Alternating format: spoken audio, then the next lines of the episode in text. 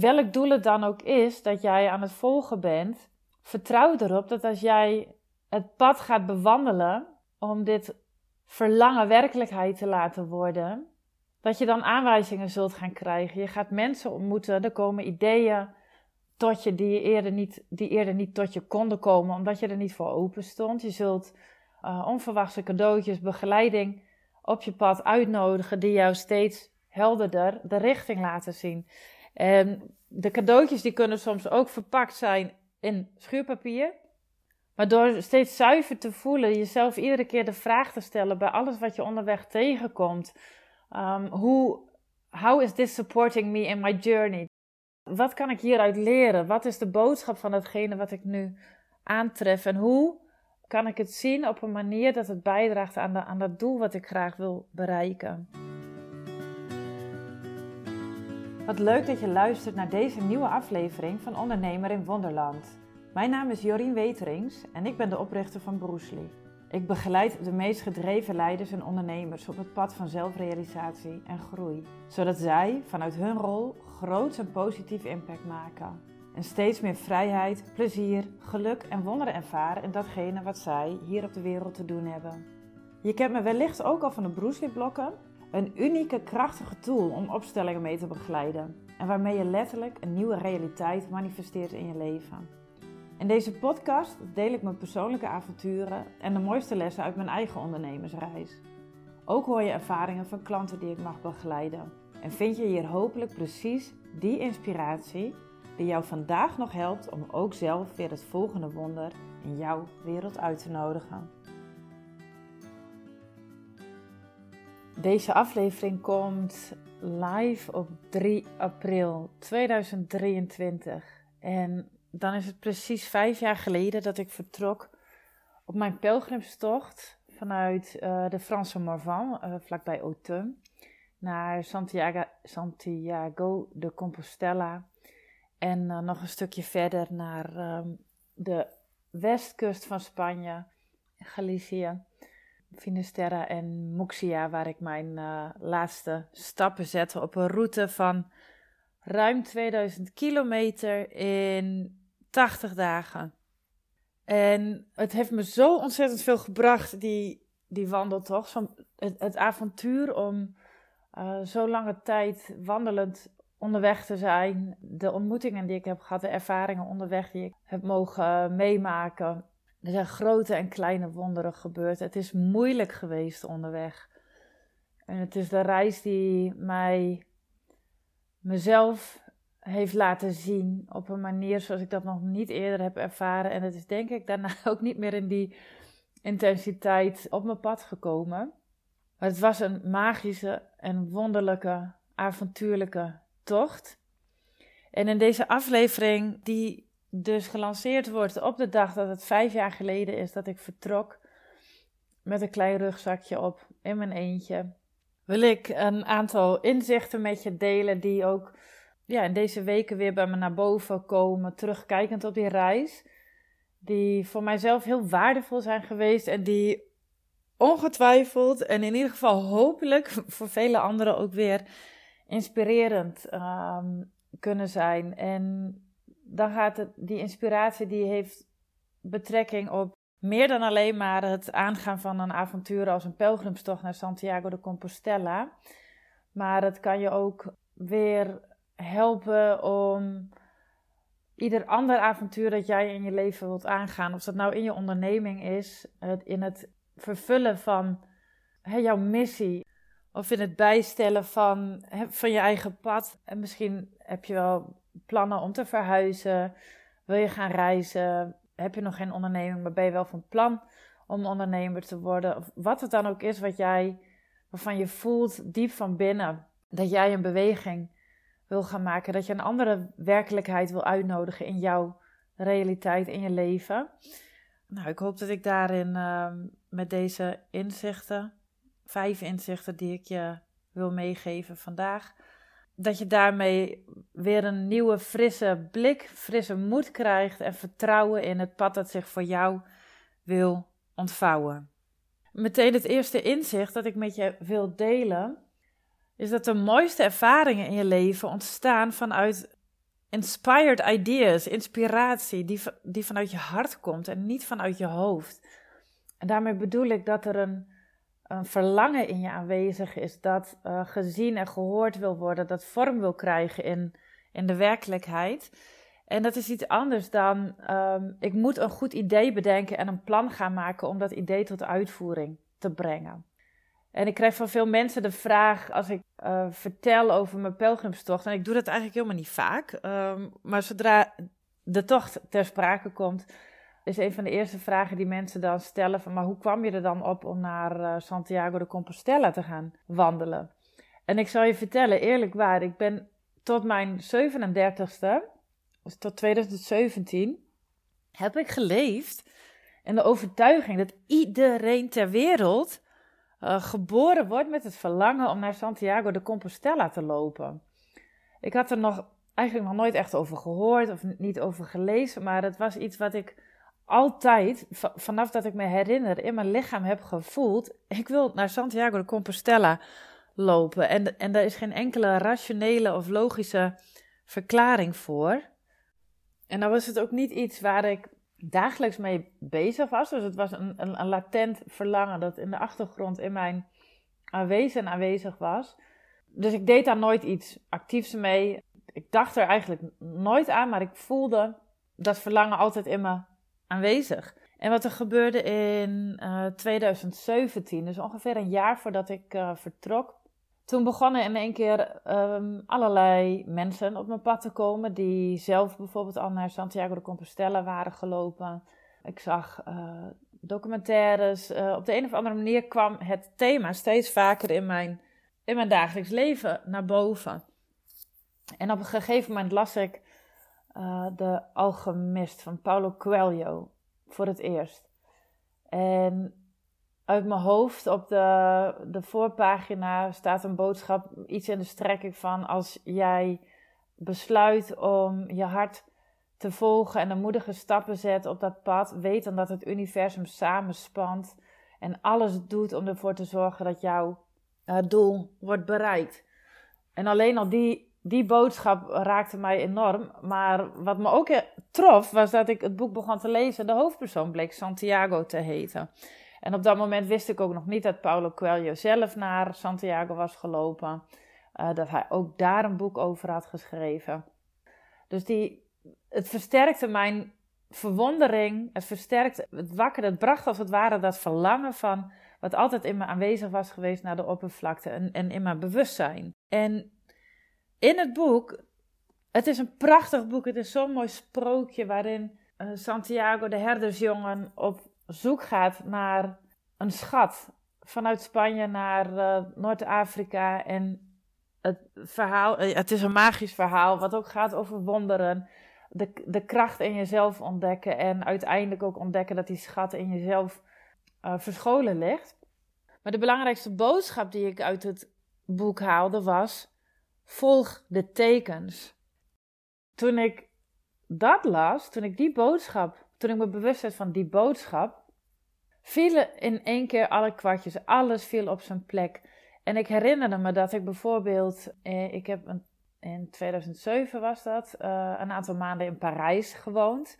En daar woonde ik aan de Rue Saint-Jacques, de Jacobsstraat in het Nederlands vertaald. Hè. Santiago is de stad van Sint-Jacob. Dus ik heb gewoond in de Rue Saint-Jacques. En voor mijn deur, in de stoep, ik woonde daar een paar uh, huizen verder naast de Église Saint-Jacques uh, in Quartier-Latin.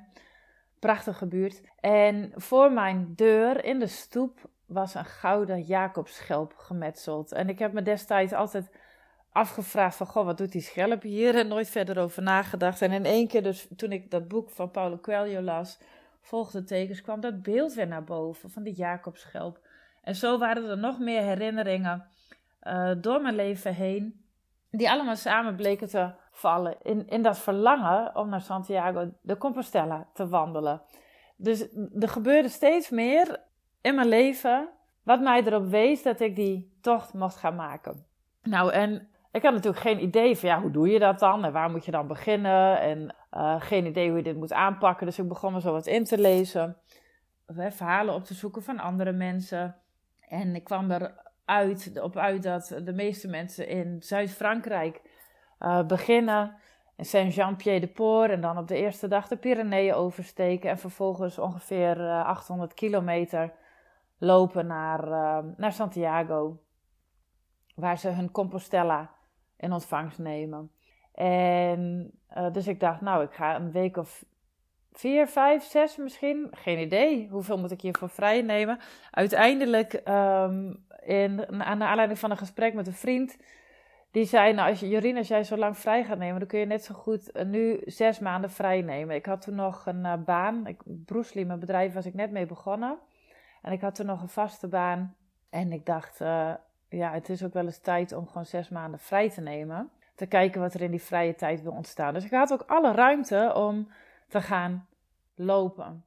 Dat ging allemaal niet zonder slag of stoot trouwens. Het was, het was voor mij een ontzettend spannende stap om zo lang vrij te nemen, want ik nam onbetaald verlof. Ik had geen enkel idee of ik wel genoeg geld zou uh, hebben of verdienen om mijn reis te financieren.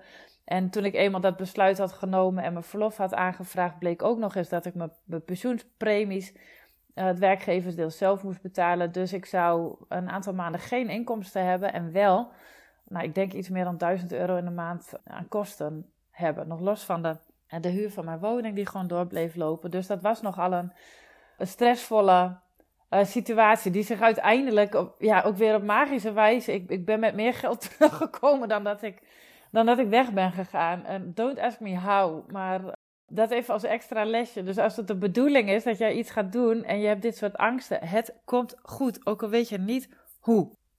Ah, fijn. Maar toen ik dus ineens die ruimte aan mezelf had gegeven, alle tijd aan mezelf had gegeven om eh, de tocht te gaan maken, kon ik dus mezelf ook meer ruimte geven van oké, hoe, hoe lang gaat die tocht worden? Van waar zal ik, zal ik dan beginnen? En nou las ik dat de meeste mensen, dat de pelgrimstocht van oudsher um, begonnen wordt vanuit je huis, vanuit de plek waar je woont. En destijds woonde ik in Amsterdam. En toen viel er nog een kwartje. Mijn ouders die hadden als, die hebben in totaal 27 jaar, toen ongeveer 25 jaar lang al een eigen camping in de Franse Morvan.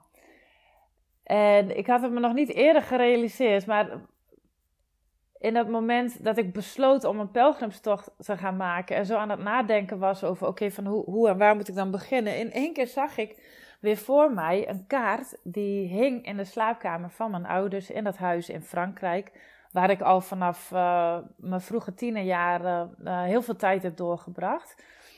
En op die kaart stonden de routes die naar Santiago de Compostela lopen. En ineens besefte ik me dat het huis van mijn ouders aan een van de pelgrimsroutes ligt. Letterlijk op het pad, op een van de paden die uh, via, vanuit Vézelay beginnen in Frankrijk. En die via de Morvan, de bossen van de Morvan en later de, de heuvels in de Auvergne, de bergen in de Auvergne moet ik zeggen, naar Le Puy-en-Velay lopen. En dat is ook weer een van de grote vertrekpunten voor pelgrims op weg naar Santiago de Compostela.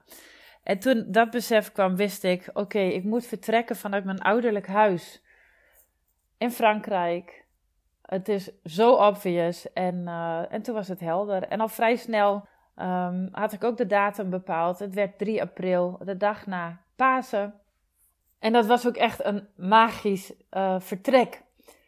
Want wat er namelijk ook nog gebeurde, ik ben in de zomer uh, jarig. op 30 juli ben ik jarig, midden in de zomervakantie. En ik ben gewend dat, er als kind nooit iemand op mijn verjaardag kon komen uit mijn klas, want iedereen was dan altijd op vakantie. Dus um, ik heb mezelf een soort imprint meegegeven. Als ik een feestje heb, uh, moet ik er niet op rekenen dat mensen komen, want waarschijnlijk kunnen ze niet. Maar wat ik wel leuk vond, ik, ik had wel behoefte, merkte ik, een aantal maanden voor vertrek. Um, ik ben daar in Frankrijk en het is zo'n mooie plek. Het is in de lente fantastisch. Weet je wat, ik ga een paar mensen uitnodigen om ehm, samen daar te zijn, samen te vieren en afscheid te nemen van elkaar voordat ik die reis gaan maken. En ik had, uh, ik denk, nou ja, weet je wat, als er één of twee of drie of vier willen komen, helemaal fantastisch en prima. En uiteindelijk bleek dat iedereen die ik had uitgenodigd, op twee mensen nou, die er echt niet bij konden zijn, maar iedereen uh, kwam met partners, met gezinnen. En we zaten daar uh, in het weekend van Pasen met een gezelschap van nou, tussen de 50 en 60 mensen, denk ik. Ik heb nog nooit zo'n grandioos feest mogen ervaren. En het was zo magisch. Het was eerste of tweede paasdag, was het ook nog de tweede blauwe maan uh, van het jaar. Uh, volle maan. En we hadden een groot kampvuur gemaakt um, van uh, hout. Uiteraard, wat daar van de, takken uit, uit het bos, de takken die in de winter op het terrein van de camping waren gewaaid. Het was een prachtig paasvuur geworden. En een van mijn uh, vriendinnen die daar aanwezig was, heeft een foto gemaakt van het paasvuur. En het is echt bizar. Je zult het, als je op mijn Instagram-account bij mijn berichten scrolt, dan zie je hem wel. Uh, in het vuur verscheen een eenhoorn. Nou, en dat zagen we pas een paar dagen later toen we naar de foto's aan het kijken waren. Maar dat was echt magisch. Dus ik ben volop magie ben ik aan mijn reis begonnen. En dit was dus allemaal al zoveel mooier dan ik ooit had durven dromen. Dit, dit waren ervaringen die ik niet had kunnen bedenken, die ik niet had kunnen voorzien van tevoren. En dat is, die, dat is wat mij betreft ook die eerste les die ik met je wil delen. Dus de mooiste ervaringen in je leven die ontstaan als je gehoor durft te geven aan je, aan je verlangen, aan de, aan de inspiratie, de inspired ideas die vanuit je hart komen. En niet vanuit je hoofd. En dan als je daarom durft over te geven en ook alle uitdagingen en ongemakken op weg daar naartoe durft aan te kijken en te ervaren, dan gaat er een wereld voor je open die zoveel mooier en groter is dan dat je ooit had durven dromen. En de tweede les die ik met je wil delen, of het tweede inzicht wat, ik, uh, ja, wat er ook de afgelopen dagen weer bij me naar boven kwam, was dat de tekens vanzelf komen. En, de richtingaanwijzers, de wegwijzers die jou naar je doel begeleiden. En vanaf het moment dat jij gecommitteerd bent aan je doel, dan zul je om je heen die wegwijzers gaan zien. Steeds meer tekens die je eerst misschien niet opmerkte, omdat ze nog niet gekoppeld konden worden aan een doel voor jou. Uh, dus, dus die tekens die gaan vanzelf op je pad verschijnen. En naarmate je langer de route bewandelt, des te makkelijker het wordt om de tekens te herkennen. En dat wordt echt je tweede natuur. En dit inzicht kwam bij mij naar boven. Ik had een heel leuk gesprekje uh, van de week toen ik in het bos aan het wandelen was. En daar een ontzettend liefdevol oud, oud, ouder, hoe noem je dat, echtpaar aantrof. Uh, een man en een vrouw van 85 jaar die al 60 jaar samen waren. En we raakten met elkaar in gesprek over de liefde, over de natuur. En ook de pelgrimstocht kwam te sprake. En uh, de man vroeg aan mij uh, over die pelgrimstocht. Maar hoe weet je dan waar je naartoe moet? En mijn antwoord was, nou, uh, het grootste deel van de route vanuit Frankrijk zie je overal van die rood-witte streepjes op bomen, op lantaarnpalen, op uh, hoeken van huizen, op muurtjes. En eigenlijk is dat het enige wat je hoeft te volgen. En naarmate je dichter bij de grote pelgrimsroutes komt, verschijnen er schelpjes, tekens van schelpjes.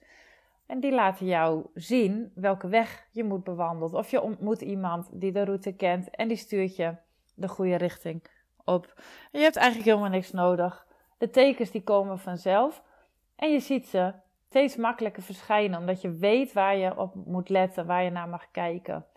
En ik ben die hele route, de 80 dagen dat ik onderweg ben geweest, ben ik één keertje verdwaald. En dat was toen ik al voorbij Santiago de Compostela uh, was. En tot die tijd heb ik nauwelijks een kaart of een routeboekje nodig gehad. Ik kon vertrouwen op de rood-witte strepen, op de bomen, um, de schelpjes die ik her en der zag en de aanwijzingen van de mensen die ik onderweg ontmoette.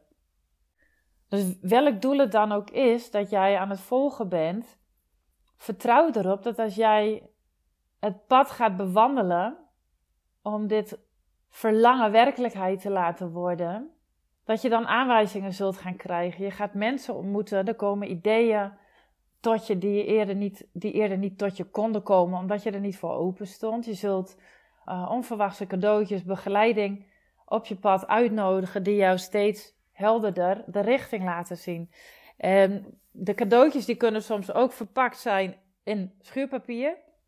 Maar door steeds zuiver te voelen, jezelf iedere keer de vraag te stellen bij alles wat je onderweg tegenkomt.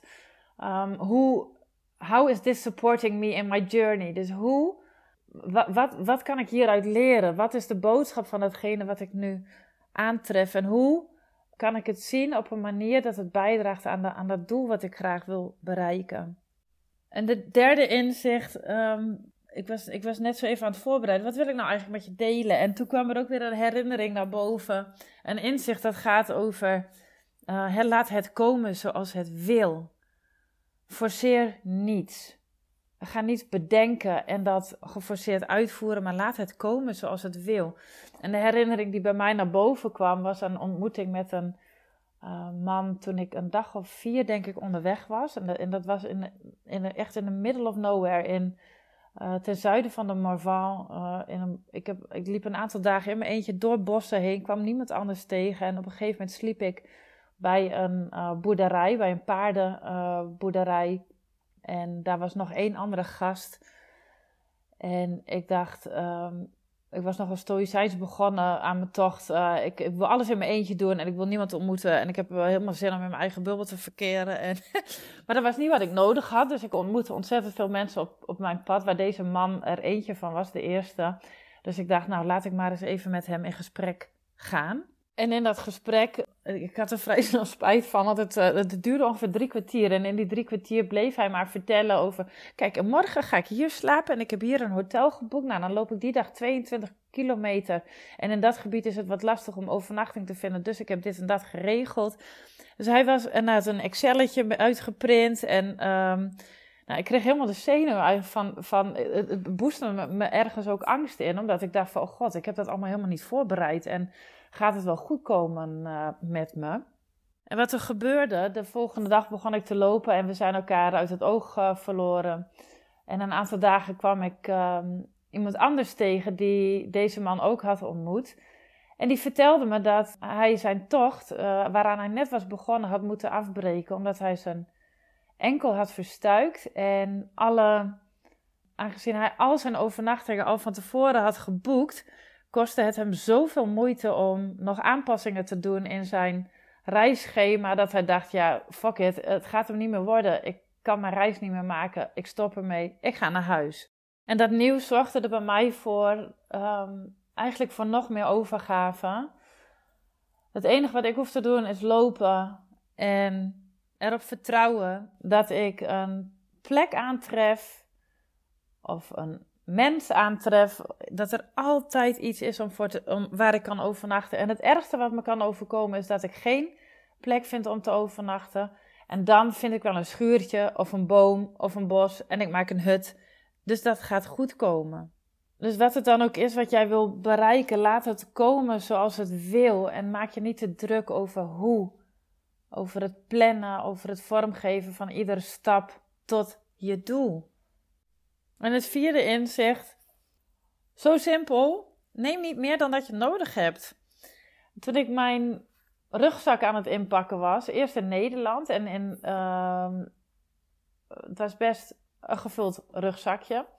Ik kwam aan in Frankrijk en in Frankrijk uh, na dat feestweekend uh, met mijn vrienden, um, de dag voor vertrek, ben ik opnieuw mijn tas gaan inpakken. Bij ieder ieder item, uh, kledingstuk, uh, tape, uh, poncho's, um, een kompas. Bij ieder, ieder item dat ik wilde inpakken, stelde ik mezelf de vraag: heb ik dit echt nodig? Weet ik zeker dat ik het ga gebruiken? Of neem ik dit mee voor de zekerheid?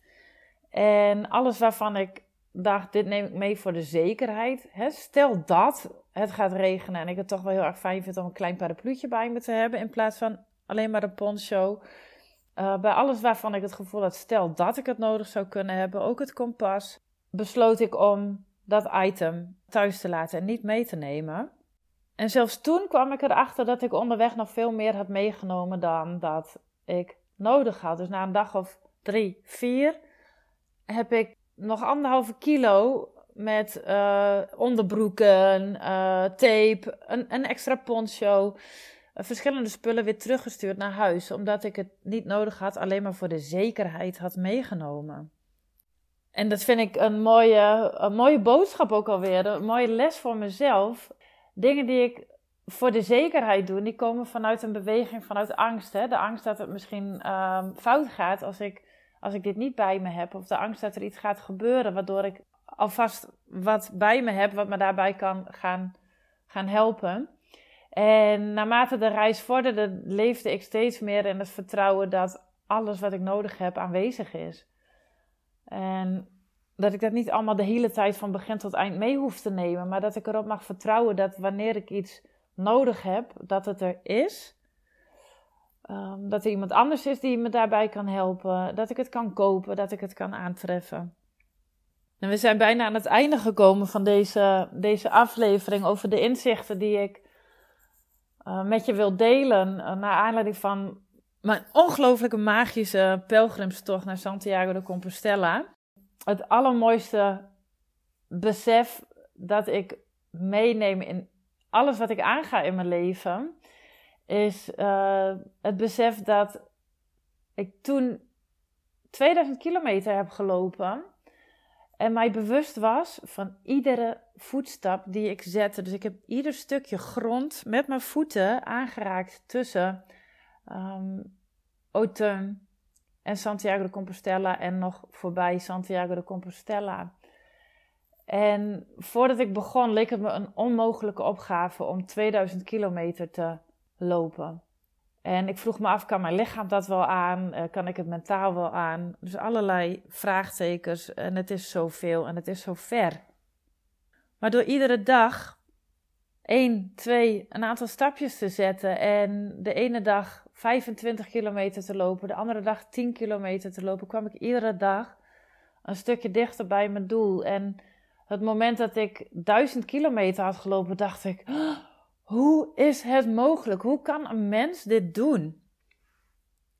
Ik heb het zo uitbundig gevierd uh, dat ik duizend kilometer had gelopen, omdat het me deed beseffen dat je eigenlijk ongemerkt, terwijl je stapje voor stapje aan het zetten bent, er ineens duizend kilometers op hebt kunnen zitten.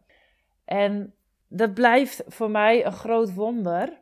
Maar de boodschap ook weer, het inzicht wat, mij, wat ik nu ook in alles meeneem, ook in mijn onderneming, is dat ik iedere dag maar een klein stapje zet richting het doel, richting het vormgeven van mijn verlangen.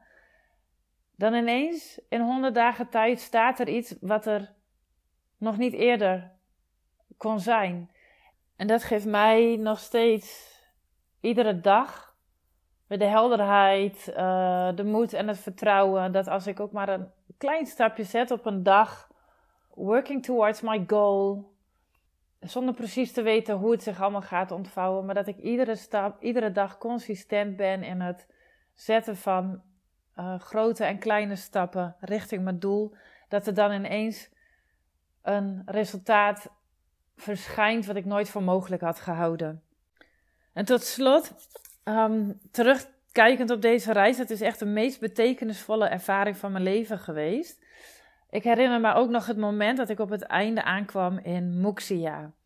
Een klein dorpje aan, uh, aan de kust. En bij de zonsondergang op die aller, allerlaatste dag van deze magische tocht van 80 dagen. Ik keek naar de zonsondergang en ik luisterde naar The End van The Doors op mijn koptelefoontje. En um, ik besefte me dat de tocht gedaan was. Het was voorbij, het wandelen was voorbij. En de tranen kwamen. De tranen kwamen over het besef wat ik de afgelopen 80 dagen had gedaan. Ook over de onwetendheid wat er hierna zou komen. Als ik geen pelgrim meer was, als ik geen wandelaar meer was, wat was ik dan nog wel? En dat markeerde het begin van een volstrekt nieuw tijdperk. Daar zal ik vast nog wel een keer een uh, andere podcast over opnemen. Maar in dat moment voelde ik dat ik terugkijkend op mijn tocht soms ook wel wat langzamer had willen lopen. om in een trager tempo de wereld om me heen in mezelf op te nemen en er zelf ook in op te gaan. En misschien is dat ook wel de belangrijkste les voor jou, voor ons, voor het onderweg zijn. Uh, vertraag. Je doel haal je toch wel iedere dag dat je een stap zet. Maar geniet iedere dag van die ervaring van het onderweg zijn. Dankjewel voor het luisteren van deze aflevering van Ondernemer in Wonderland. Ik hoop dat ik je heb mogen inspireren om zelf ook weer op avontuur te gaan. Een wonder uit te nodigen in jouw leven en in je business. Als je enthousiast bent geworden, zou ik het super vinden als je een review achterlaat bij de podcast. En ook kun je me helpen om mijn boodschap te verspreiden door de podcast te delen op je socials en mij daarin te taggen. Ben je ondernemer en benieuwd hoe jij je business weer kunt uplevelen naar het volgende niveau? Neem een kijkje op www.broesli.nl, stuur me een DM of mail naar jorien.broesli.nl. Ik wens je een super fijne dag.